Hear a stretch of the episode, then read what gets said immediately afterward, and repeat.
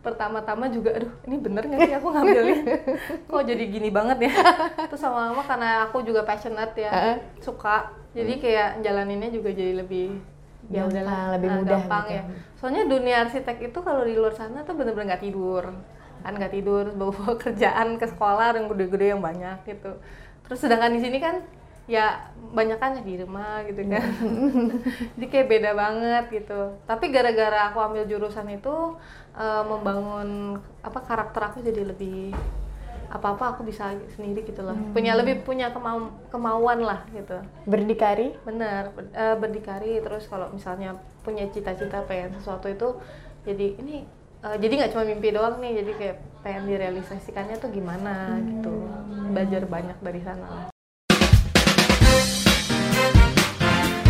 Bincang bersama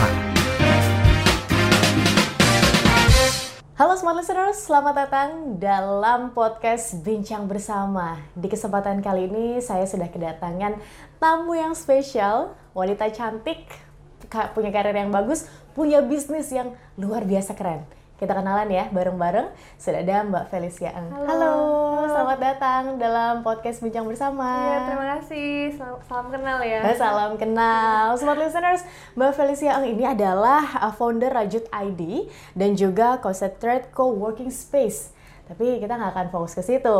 Saya penasaran ini, sampai dengan titik Mbak Felicia di titik ini pasti akan ada pengaruhnya nih dari masa kecil, masa remaja kan? Iya. Mungkin boleh dong cerita masa kecil seorang Felicia Eng tuh gimana sih? Em, jadi kalau aku pas kecil itu jujur eh, dari kecil sampai high school ya itu belajar aja sih belajar suka belajar. Terus biasanya kalau aku weekend gitu biasanya aku adalah les eh, yang berhubungan sama seni ya Oke. kayak les gambar lah atau kayak bikin paper clay zaman dulu ada Oke. paper clay gitu. terus kalau enggak ya bikin bikin bookmark scrapbook gitu. Nah eh, itu pertama kalinya kenapa aku bisa suka sama Desain. terus waktu itu juga sempat diajak papa ke kantor Hmm. jadi papa itu eh, memang arsitek dan kontraktor Hmm. jadi waktu itu diajak ke sana terus aku bilang sama papa nih aku gede kayaknya pengen jadi arsitek Oke. padahal waktu itu tuh masih kecil mungkin masih umur 7-8 tahun lah Hmm. terus pas besar aku kuliah ambil jurusan arsitektur di Australia terus habis itu baru lanjut lagi ngambil property development Ya, Itu di Indonesia? di atau Australia juga Australia jadi juga? ke Perth dulu habis itu baru ke Sydney Oke, seorang Felicia Eng yang dulu kecil gitu ya, umur 7 tahun, udah bilang sama papanya mau jadi seorang arsitek. iya Tapi untuk cita-cita pertama tuh apa sih? cita-cita pertama eh aku pernah pengen jadi polisi wanita Wow, mau jadi polwan. iya mungkin yang kayak heroik gitu ya. Sukanya. Tapi eh, lama-lama memang karena suka gambar gitu. Terus sama mama eh aku pengen berdesain nih desain apa ya kayaknya yang menarik nih yang aku belum pernah pernah tahu gitu. Jadi pikir jadi arsitek aja kali ya kayak seru deh gitu kan. Bisa bangun-bangun bangunan yang kayak macem-macem. Terus orang bisa ada eh, kayak explore bangunannya gitu terus jadi ya itulah Wow. nah, ketika kecil gitu ya, kita masih bahas eh, Felicia yang kecil nih, eh, Mbak Felicia. Ketika kecil gitu, lahir di aku lahir di Medan di Medan. iya. Itu eh, eh, langsung pindah ke Jakarta atau Hmm, gimana? iya, jadi eh, memang mama dan papa itu orang Medan. Terus habis lahir, karena papa berkarir juga jadi ke Jakarta, jadi aku pindah langsung nggak nyampe Oh, setahun aku wow. pindah langsung. Oke, berarti emang udah dari satu Iya. tahun itu udah di Iya. Jakarta begitu ya? Eh, di mana? Aku di Jakarta. Utara. Jakarta Utara. Oke. Iya. Nah, ketika kecil itu seorang Felicia kecil sukanya main apa sih? Eh, aku kecil ya seperti anak kecil pada umumnya, Hah? uh suka main masak-masakan lah. Oke. Terus eh, ya itu suka menggambar, terus eh, suka main layangan. Oh ya? Iya, macam-macam. yang pokoknya bisa aku gambar-gambar lah. Kalau layangan bisa zaman dulu kan bikin sendiri ya, Ah, bikin iya. sendiri terus langsung di mainin Mainin. sendiri gitu ya. Jadi tiap minggu beda-beda tuh layangannya. Wah. Macam-macam. Tapi ka- suka gambar memang karena kadang-kadang nih ya, Kak Felicia. Ada yang eh, anak kecil tuh suka ba- gambar karena gambarnya bagus. Ah, karena Mm. gambarku bagus, jadi aku suka gambar. Nah, kalau Mbak Felicia sendiri Hmm, enggak aku kalau aku zaman dulu tuh suka kayaknya gambarnya oke lah, nggak Mm-hmm. nggak nggak sampai yang kayak uh, artsy banget. Tapi Mm-hmm. aku tuh suka, misalnya aku suka uh, sebuah karakter gitu, terus aku suka gambarin gitu. Mm-hmm. Oke. Terus aku pajang di bawah meja belajar ya, Mm-hmm. terus dikumpul-kumpulin gambarnya. Kalau lihat-lihat itu Iya, lagi iya. lucu ya. Lucu. terus kenapa dulu gambarnya kayak gini? Tapi orang tua sendiri gaya pendidikannya seperti apa? Hmm, kalau mama sama papa sih tergolong santai ya. Mhm. Eh, mereka eh, mungkin karena kan kalau papa itu kan memang eh, ker- kerja ya. Kalau mama tuh kan full ibu rumah tangga. Jadi memang kalau mereka berdua eh, ya intinya mereka oh, bolehin aku berkarir gitu. Tapi juga ya maksudnya aku juga harus bisa me- apa ya, punya punya keluarga lah nanti. Jadi harus bisa bagi waktu gitu. Jadi nggak terlalu Dia mereka ik- ikutin apa yang aku suka aja sih lebih ke Ah, berarti nggak ada ngebatas-batasin Nggak. atau gimana? Kamu mau gambar mulu misalnya gitu. enggak sih enggak berarti santai aja waktu eh, dari kecil begitu Iya. ya gaya pendidikannya. Oke, papa seorang arsitek yang efek banget nih di dalam dirinya Mbak Felicia begitu ya, sampai bisa eh, berkuliah jadi seorang arsitek. Eh, ketika SMA seorang Felicia seperti apa? kalau SMA aku Berprestasi banget kah gitu atau gimana? eh, cukup cukup berprestasi lah. Karena aku tuh suka hobi belajar banget sih Oh, memang dari wow. dulu. Aku suka eh, matematika gitu kan. Jadi kayak dari dulu itu aku masuk ke sekolah yang memang pelajarannya cukup susah. Jadi kayak banyak mem- mem- apa menyempatkan waktu belajar sih Hmm, lebih ke belajar. Terus week- weekend baru cari hobi-hobi lah menjalankan hobi-hobi yang aku suka gitu. Biasanya sabtu Hmm, hmm. aku baru les. Ada sempet les piano les nyanyi gitu, -gitu macem-macem. Wow. Iya. Terus kenapa hingga akhirnya memutuskan untuk kuliah arsitektur dan itu di Australia? Hmm, aku jadi dari dari dulu kan memang suka desain, terus aku berpikir kayaknya uh, aku lagi mikir kira-kira karir apa sih yang aku mau nanti kalau aku pulang gitu. Apa aku mau jadi dulu sempat pengen kepikiran juga sih pengen jadi fashion designer, tapi kayaknya em, maksudnya kan se- segala sesuatu yang kita ambil tuh kan kita harus eh, mengembangkan ya, masa harus berpikir panjang gitu. Jadi waktu itu pikir "Ah, kayaknya ambil arsitek aja deh kayaknya aku bisa em, yang itu bikin bangunan-bangunan di Indonesia yang misalnya eh, jadi kayak lebih lucu-lucu gitu. Terus eh, supaya banyak orang yang bisa ikut make enjoy karyanya juga gitu. Oke, kira-kira apa yang paling menginspirasi eh, Mbak Felicia dari sesi si arsitektur gitu di Indonesia? Em, aku suka arsitektur yang eh, just nice ya, maksudnya yang yang nyaman, gitu. Ah, oke. Nyaman, soalnya maksudnya kalau aku dulu belajar juga ya di Australia itu eh, kalau kita bikin sesuatu itu itu memang harus ada alasannya gitu. Jadi nggak cuman oh biar bagus gitu, tapi harus ada fungsinya. Terus kayak pembagian ruangan gitu, terus eh, natural lightingnya Hmm. itu kan memba- membangun mood banget ya Iya. untuk satu bangunan Hmm, gitu. hmm, Nah hmm. itu kayaknya aku ini banget sih apa? Aku suka banget. Berarti rumah-rumah atau bangunan yang homey begitu ya? Iya, benar. Wa- Warm. Warm, mm, jadi mem- memakai bahan-bahan warm ya, kayak kayu, terus kayak eh, konkrit. gitu. Mhm, mhm. Eh, ini ada hubungannya juga nggak sih? Maksudnya ada dampaknya juga nggak sih dari ayah, dari papanya eh, Mbak Felicia? Eh, kalau taste design sebenarnya kayak beda deh. Kalau si papa, papa tuh suka klasik. Oke. Karya klasik. Cuman Hah? mungkin dari aku ambil kuliah terus banyak terekspos sama uh, architecture yang a, a bit uh, Japanese and westernized gitu. Mhm, Jadi mhm. aku jadi suka gitu.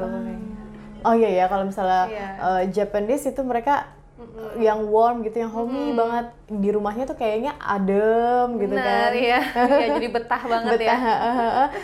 Oke, tapi kalau papa justru yang lebih ke klasik gitu. Iya. Eropa. Apa Eropa? uh, Sukanya. Beda. Beda ya.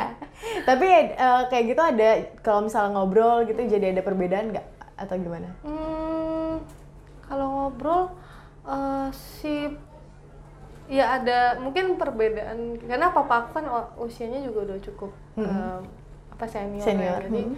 mungkin ya paling perbedaan di em, opini di- Ah. desainnya aja sih tapi kalau yang lain-lain sih enggak ya enggak ada Wow, ada nggak sih Mbak Felicia value-value gitu ya dari orang tua atau dari mama yang akhirnya bisa membentuk seorang Felicia yang seperti sekarang ini? Jadi si mama sama si papa itu selalu bilang kalau jadi orang itu kan harus baik ya, walaupun misalnya nanti kita di dunia kerja atau di, di sekolah tuh ada yang jahatin gitu misalnya, tapi tetap harus bisa jadi orang baik untuk orang-orang lah gitu. Oke, pernah punya pengalaman nggak uh, di Seputar- sekolah atau gimana seputar hal itu? Em, syukurnya enggak sih, nggak ada sampai dijahatin gimana enggak. Heeh. Cuman ya kalau di kerjaan kan pasti ada aja lah ya, kayak dilatih untuk ya mungkin lebih kayak lebih sabar gitu kan, jadi jadi pribadi yang lebih baik lah. Nilai atau value itu yang terus dipegang sampai sekarang, Mm-mm. dipakai terus gitu Iya. ya? Sama juga kayak kalau udah mau mengerjakan sesuatu itu harus committed ya, committed Nah. terus harus hard work. Hard worknya harus ada dan harus jadi orang yang bisa di-trust sama orang. Percaya. Heeh. Mhm, Iya, soalnya kepercayaan sulit gitu ya Iya. untuk didapatkan. Apalagi Iya. kalau misalnya kita ngomongin dunia arsitektur ya. Benar, karena kan kalau di dunia arsitek itu kita dengan klien tuh seperti Hmm. teman ya, jadi itu long term relationship lah sama mereka gitu. Jadi kita juga harus ya kita harus bisa jadikan mereka kayak teman gitu. Hmm. Jadi bisa kita bisa tahu mereka tuh sukanya Iya. apa, terus mereka nggak sukanya apa gitu. Nggak bisa kita maunya apa, terus mereka nggak nggak suka, terus kita maksa gitu Ah. kan. Orang yang mau bikin siapa? Iya, iya. Tapi kalau misalnya uh, Mbak, Mbak Felicia dulu gitu waktu kecil uh, pernah nggak punya definisi gitu kesuksesan tuh seperti apa? Apakah itu berubah gitu definisinya sampai sekarang atau gimana? Hmm, kalau kecil jujur aku belum terlalu terekspos sama ke dunia kerja ya. Karena kan lebih banyak di rumah itu aku spend time sama mama yang memang full ibu rumah tangga. Kalau sekarang karena udah mengerjakan beberapa bisnis juga, jadi aku ngelihat definisi sukses itu adalah aku harus bisa sukses dalam meraih ya, mimpi aku, tapi juga aku juga harus bisa sukses untuk eh, membantu orang di sekitar aku. Dan juga karena aku nggak lupa, misalnya aku juga ber, punya rumah tangga, jadi aku harus sukses jadi ibu dan anak juga gitu. Hmm, Ya kebetulan si Rajut ini kan memang eh, bisnis yang eh, membantu ibu-ibu juga ibu-ibu yang punya anak khususnya eh, untuk dapat penghasilan lebih lah karena mereka juga sambil jaga anak. Mumpung disinggung juga nih soal rajut Iya. gitu ya. Dari arsitek, dari seorang arsitek, kuliah di arsitektur, S2-nya ngambil Property property development. Ini kan nggak ada hubungannya nih dengan Rajut gitu. Kok bisa hingga akhirnya eh, menjadi founder dari Rajut.id? Hmm, kalau Rajut sendiri kan uh, fashion local brand ya. Hmm. Memang dari dulu itu aku lumayan uh, tertarik sama dunia fashion juga. Terus ngelihat ngelihatnya tuh ka- kalau misalnya aku bisa ngembangin sesuatu yang aku suka juga dan dan produknya memang kebetulan aku pakai juga tiap hari gitu dan ngena di aku. Terus aku juga bisa uh, kayak gimana sih supaya orang-orang tuh bisa mengenal produk Indonesia tuh lebih. Terus bantu-bantu juga sama yang ibu-ibu dan yang punya anak itu kan di desa itu kayak ngena lah di aku gitu jadi aku kayak eh pengen deh cobain gitu kerjain uh, bisnis with an impact lah gitu Hmm, Awalnya dari mana? awalnya tuh sebenarnya iseng-iseng karena pertamanya itu kan kita itu uh, jadi Rajut itu foundernya tiga Hmm. ada saya, Genesia, sama Silvi. Oke. Nah, kita itu pergi pergi liburan ceritanya sama teman-teman yang dulu dari Australia. Hmm. Jalan-jalan ke Jogja waktu itu. Terus eh, singkat cerita pas di Jogja itu karena itu kan pertama kali nih kita ke Jogja terus kita miss banget. Kok kayaknya orang Indonesia itu banyak banget ya yang kayak jago banget bikin kerajinan tangan dari mungkin kerotan kayu terus yang gambar yang mahat tuh bagus-bagus banget. Tapi kok kayaknya aku tuh nggak nggak tahu gitu. Maksudnya nggak kita nggak terekspos Iya. ya kayak ini oh ini buatan Indo loh ternyata. Padahal di luar sana itu tuh banyak banget yang kayak karya barang-barang Indonesia ini yang sudah ke ekspor ya dari luar. Tapi kita nggak tahu kalau itu ternyata produk kita sendiri Indonesia. Terus tertariklah sama em, daur ulang hari itu. Bahan "Ih, kita bisa lo eh, daur ulang pakai bahan plastik nih. Karena kan memang sampah plastik banyak ya. Bener. terus eh lucu juga ya kalau dijadiin tas gitu. Ya udah deh ada ketertarikan di sana. Terus ya udah kita, kita coba seriusin deh gitu usahanya Tapi hingga akhirnya memutuskan untuk di tempat itu dan membantu perekonomian di ibu-ibu itu gimana tuh ceritanya? pertamanya itu jadi kita cari tahu pertamanya. Oh, Oke. Eh, ini tuh gimana sih cara pembuatannya? Terus gimana gimana? Nah terus akhirnya kita nemuin satu desa dekat di dekat Madiun sana. Terus memang eh, ada kerjain kerajinan tangan gitu. Nah kita bekerja sama lah sama si desa itu. Jadi kayak mereka juga mau belajar ya maksudnya mereka mau explore untuk oh bisa nih bahan ini bisa dijadiin beda-beda nih gitu ya. Karena kan selama ini barangnya jujur ya gitu-gitu lagi lah Iya, gitu. Jadi kita coba untuk explore sama mereka mereka juga senang gitu. Terus ya kita eh, akhirnya ya udah jadi kerjasama deh dari, dari 2019 itu. Wow. udah dapet pas ya. Iya iya. Iya. Karena eh, ini membantu perekonomian ibu-ibu di sana juga ya, eh, Mbak Felicia ya. Ibu-ibu di sana dibekerjakan begitu Benar. Jadi untuk kalau- merajut. Eh, iya jadi kalau misalnya di desa kita itu hmm, rata-rata kan pekerjaannya petani Oke. petani. Terus ibu-ibunya juga ada spend time ke ladang. Tapi karena kan mereka punya anak, sebagian punya anak. Terus juga ada yang memang kondisi badannya itu nggak memungkinkan untuk ke ladang lah karena kah sakit lah kakinya atau gimana. Terus eh, jadi si mereka di rumah baik di rumah. Jadi kita eh, dengan adanya rajut eh, dan bisa menganyam tas rajut ya kan ada ada si rajut ini mereka jadi bisa nambah income-nya karena mereka di mereka itu tetap kerjainnya di rumah masing-masing. Jadi sambil lihat anak, sambil ya masak gitu. Jadi kayak biasa gitulah masih. Tapi mereka bisa nganyam sekalian gitu. Iya. Berbarengan. Jadi mereka happy lah. Jadi nggak usah ke mana-mana Benar, gitu, heeh. bisa yang sakit ya bisa tetap di rumah, Benar, iya. yang punya anak bisa tetap momo anaknya, Iya, Ru- urusan rumah nggak ketinggalan, tapi Nggak. tetap juga bisa merajut dan bisa dapat income tambahan Iya, begitu ya, benar. Mbak Felicia. Konsep ini digadang atau diciptakan bertiga kah atau gimana? eh saling lempar aja sih kayaknya. Jadi pertamanya, eh kita ada ketertarikan akan bahannya ya. Habis itu, eh coba deh, eh, aku cari tahu gitu misalnya. Terus si Sylvie juga, eh yaudah bareng-bareng deh kita cari tahu. Terus akhirnya kita ya ke desanya gitu cari tahu. Terus akhirnya ya berbarengan sih, berbarengan. Kalau lebih ke aku sama Kak Sylvie kali ya, yang bagian eh, ini nanti eh, operationnya gimana, desainnya gimana. Kalau Kak Ganesha kan lebih ke marketing, finance gitu. Hmm. Ada nggak sih pengaruhnya dari eh, mungkin kuliah atau zaman SMA atau SMP atau justru ditarik lagi dari masa kecil gitu? Pengaruhnya nilai-nilai yang punya yang eh, Mbak Felicia punya gitu ke dalam ini pengaplikasian eh, apa ya bisnis rajut ini? Kalau aku kan kebetulan eh, memang megangnya lebih ke desainnya ya untuk rajut.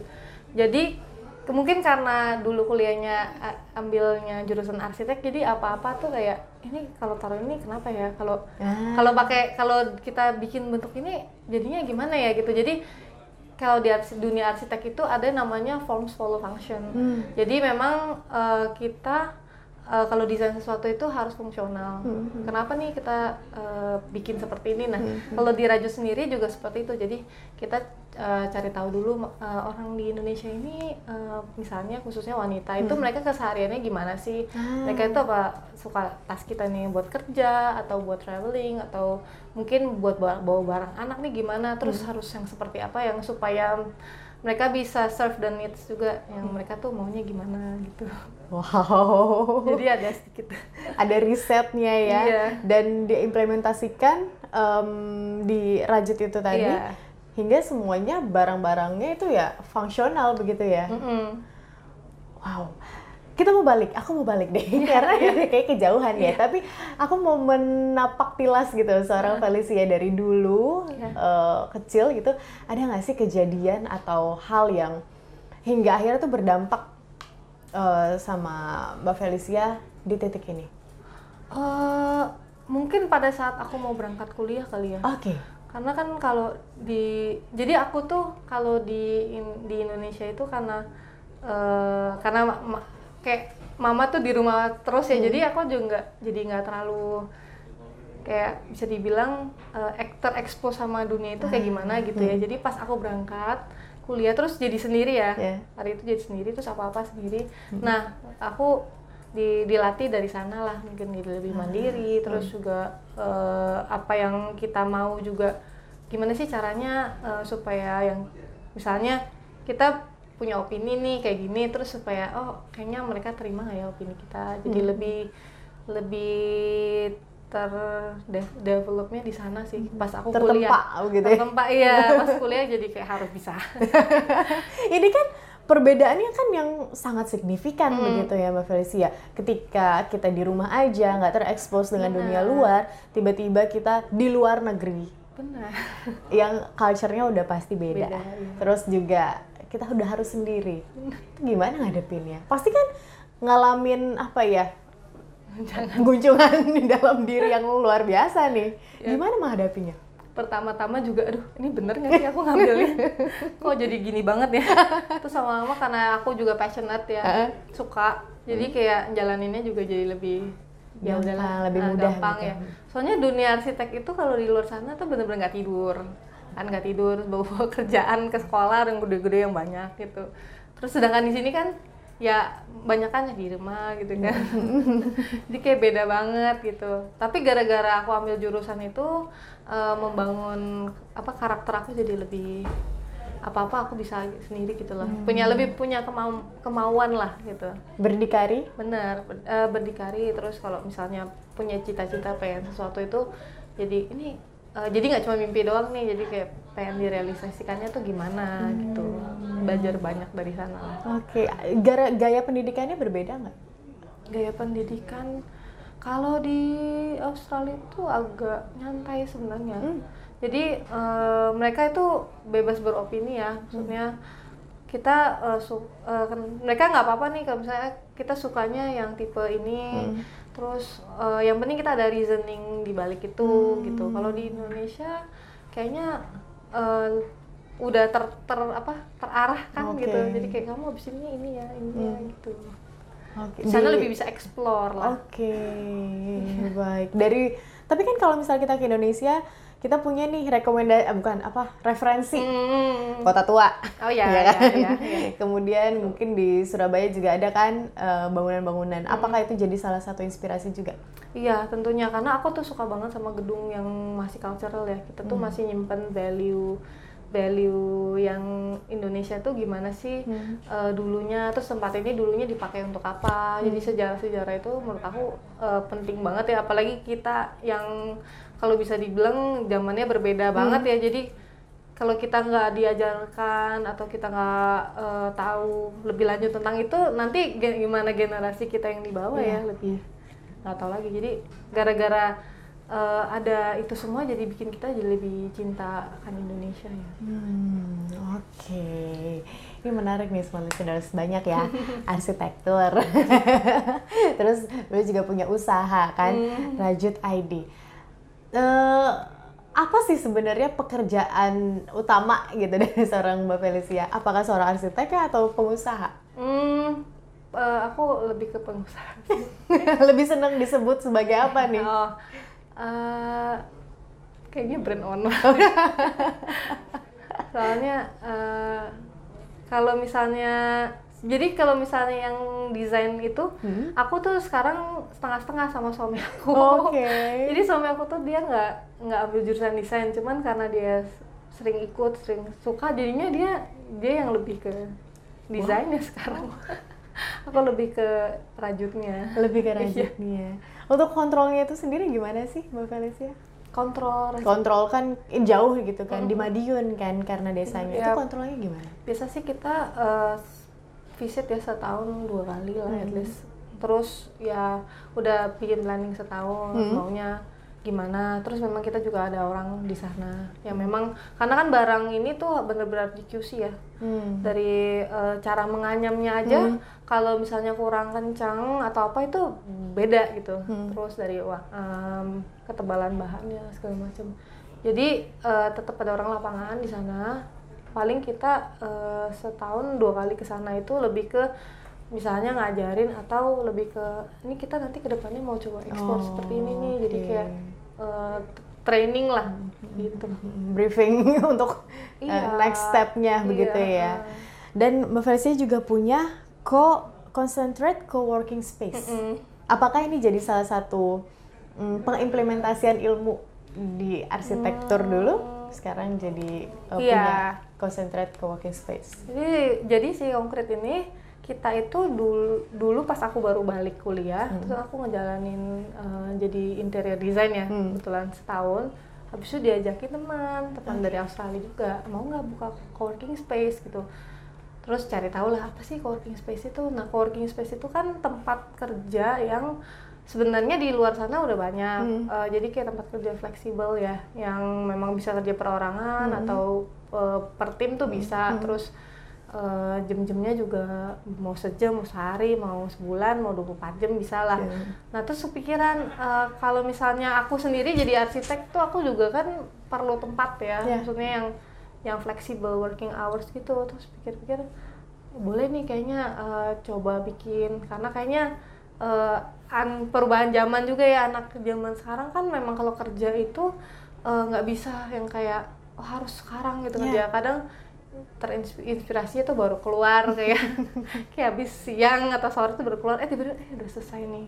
Jadi kenapa enggak kita ciptain tempat yang memang ya kita sendiri juga butuh ya maksudnya gitu. Nah aku juga jadi desainernya tempatnya. Desainer tempatnya terus ya- Arsitekturnya, Hmm, interiornya juga. iya. Hmm. terus mau, memang mau nyiptain tempat yang homey yang tadi homey terus juga dengan fasilitas-fasilitas yang memang eh, si supaya kalau kita capek kerja atau apa jadi lebih lebih refresh lagi lah gitu Oke, Iya. dan terciptalah tercipta si si konkret ini Wow, luar biasa. Eh, apa hal-hal yang ditanamkan gitu yang ditaruh dari Hmm. ciri khas seorang Mbak Felicia di dalam coworking space itu? Hmm, tem- tempatnya itu harus pertama homey ya Homey, homey terus eh, neighborhood neighborhood. jadi kalau si konkret sendiri itu neighborhood konsepnya Hmm. Jadi misalnya kalau mau kerjanya jam 12 malam datang ya bisa gitu. Hmm. Karena kan kalau misalnya office tempatnya office banget gitu kan kadang ada restriction jam-jamnya. Ya, ya. Tuh terus sama aku tuh suka banget sama kong- konkret sama kayu. Jadi tempatnya tuh banyak konkret dan kayu gitu. Itu ciri-cirinya jadi ciri khas Iya. gitu ya. Ini menarik lagi, bisnis gitu. Hmm, Ayah eh, arsitek. arsitek dan kontraktor nggak ada bisnisnya ibaratnya Oh, gitu iya, ya iya, iya. kan. Nah. Ibu ibu rumah tangga dari mana belajarnya? Dari suami sih. Jadi aku kenal udah lama sama suami aku dari sejak kuliah. Wow. Udah lama. Mungkin karena sering bareng-bareng ya. Hmm. Karena kan dia memang background usaha keluarganya bisnis ya. Oke. Jadi jadi termuncul jadi muncul gitu kayak Hmm. eh kalau misalnya kerjain sesuatu yang aku passionate terus aku juga bisa maksudnya aku bisa aku bisa punya kerjaan terus aku passionate Hmm. bantu-bantu kenapa enggak gitu terus eh jadi jadi tertarik sendiri sama dunia bi- sama dunia bisnis, Hmm. Bisnis, gitu ya. iya Kayaknya aku ngeliat Mbak Felicia ini emang orangnya suka belajar ya kan. Iya. Dan dari dari dari dulu kecil emang suka belajar Hmm. sampai sekarang juga suka belajar pembelajar sejati. Karena kan namanya bisnis kan never ending learning Benar, begitu iya. kan. Ada lagi pembaruan, ada lagi pembaruan. Itu juga kah yang menjadi mindset Mbak Felicia sampai sekarang ini terus menjalankan rajut tadi? benar kalau misalnya kita itu harus terus belajar ya belajar dan berkarya. Jadi nggak em, yang kita kerjakan sekarang nanti lima tahun lagi belum tentu eh, dengan teknik yang sama dan dengan pelajaran yang sama itu bisa kita implementasikan. Jadi Hmm. makanya kan dunia itu kan terus terus berkembang ya. Jadi kita juga nggak boleh stop di sana harus terus terus belajar dan ya mengikuti zaman juga lah ya ada tips nggak sih gimana caranya biar kita tuh bisa menyerap uh, apa yang ingin kita pelajari? Hmm, pertama cari tahu passionnya dulu kali ya. Okay. Kayak kita tuh sukanya ke arah mana sih? Karena kan kalau kita belajar sesuatu yang memang kita passionate, kita belajarnya jadi, jadi lebih mudah ya. Jadi nah. lebih pengen tahu gitu. Mm -hmm. Nah setelah itu baru kita kembangkan. Kira-kira kalau misalnya kita jalanin ini, uh, kita harus bisa melihat ini lima tahun ke depan nih gitu. Mm -hmm. Gimana ya? Apa masih ada nggak ya? Masih dibutuhkan nggak ya gitu?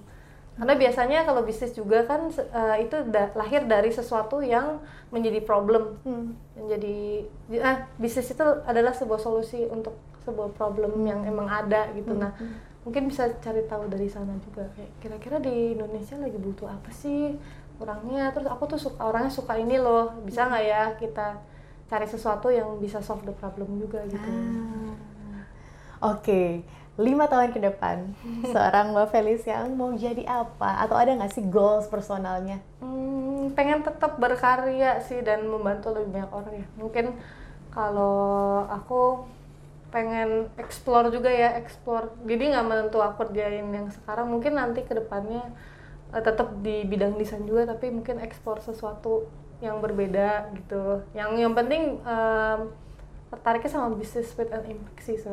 Wow, oke, okay. semoga lancar ya, dan semoga impian uh, Mbak Felicia bisa tercapai. Gak lima tahun deh, tiga tahun, dua tahun udah bisa gitu ya. Dan smart listeners, Anda bisa loh untuk kepoin produk-produk uh, rajut.id di hmm, Instagramnya. Instagram. Di mana? At rajut.id, hmm. Instagram Uh, terus di kita juga ada di Tokopedia Shopee. Oh, ada, ada di marketplace, marketplace juga ya. ya. Dan co coworking space-nya Co-working space-nya Instagramnya at concrete.space. Oke, itu 24 jam? Uh, untuk kantornya 24 jam. Wow. Alamatnya di? Alamatnya kita ada di dua tempat, ada di Pluit dan ada di Kedoya. Oke, silahkan loh smart listeners kalau mau ceki-ceki begitu ya, mau pergi ke coworking space silahkan. Ini loh uh, perwujudan uh, apa ya ide dan juga uh, diri dari seorang Mbak Felicia Terima kasih, kasih ya. sudah uh, berbagi inspirasi, kemudian ya banyaklah uh, nilai-nilai dan juga pelajaran yang kita bisa serap dari Mbak Felicia. Terima, Terima kasih, kasih ya. untuk kesempatannya. Sama-sama. Dan smart listeners itu dia akhir dari perbincangan dalam uh, podcast Bincang Bersama. Anda bisa dengarkan episode-episode lainnya dan kami harus pamit. Saya Tasya Rustama. Sampai jumpa. Bincang bersama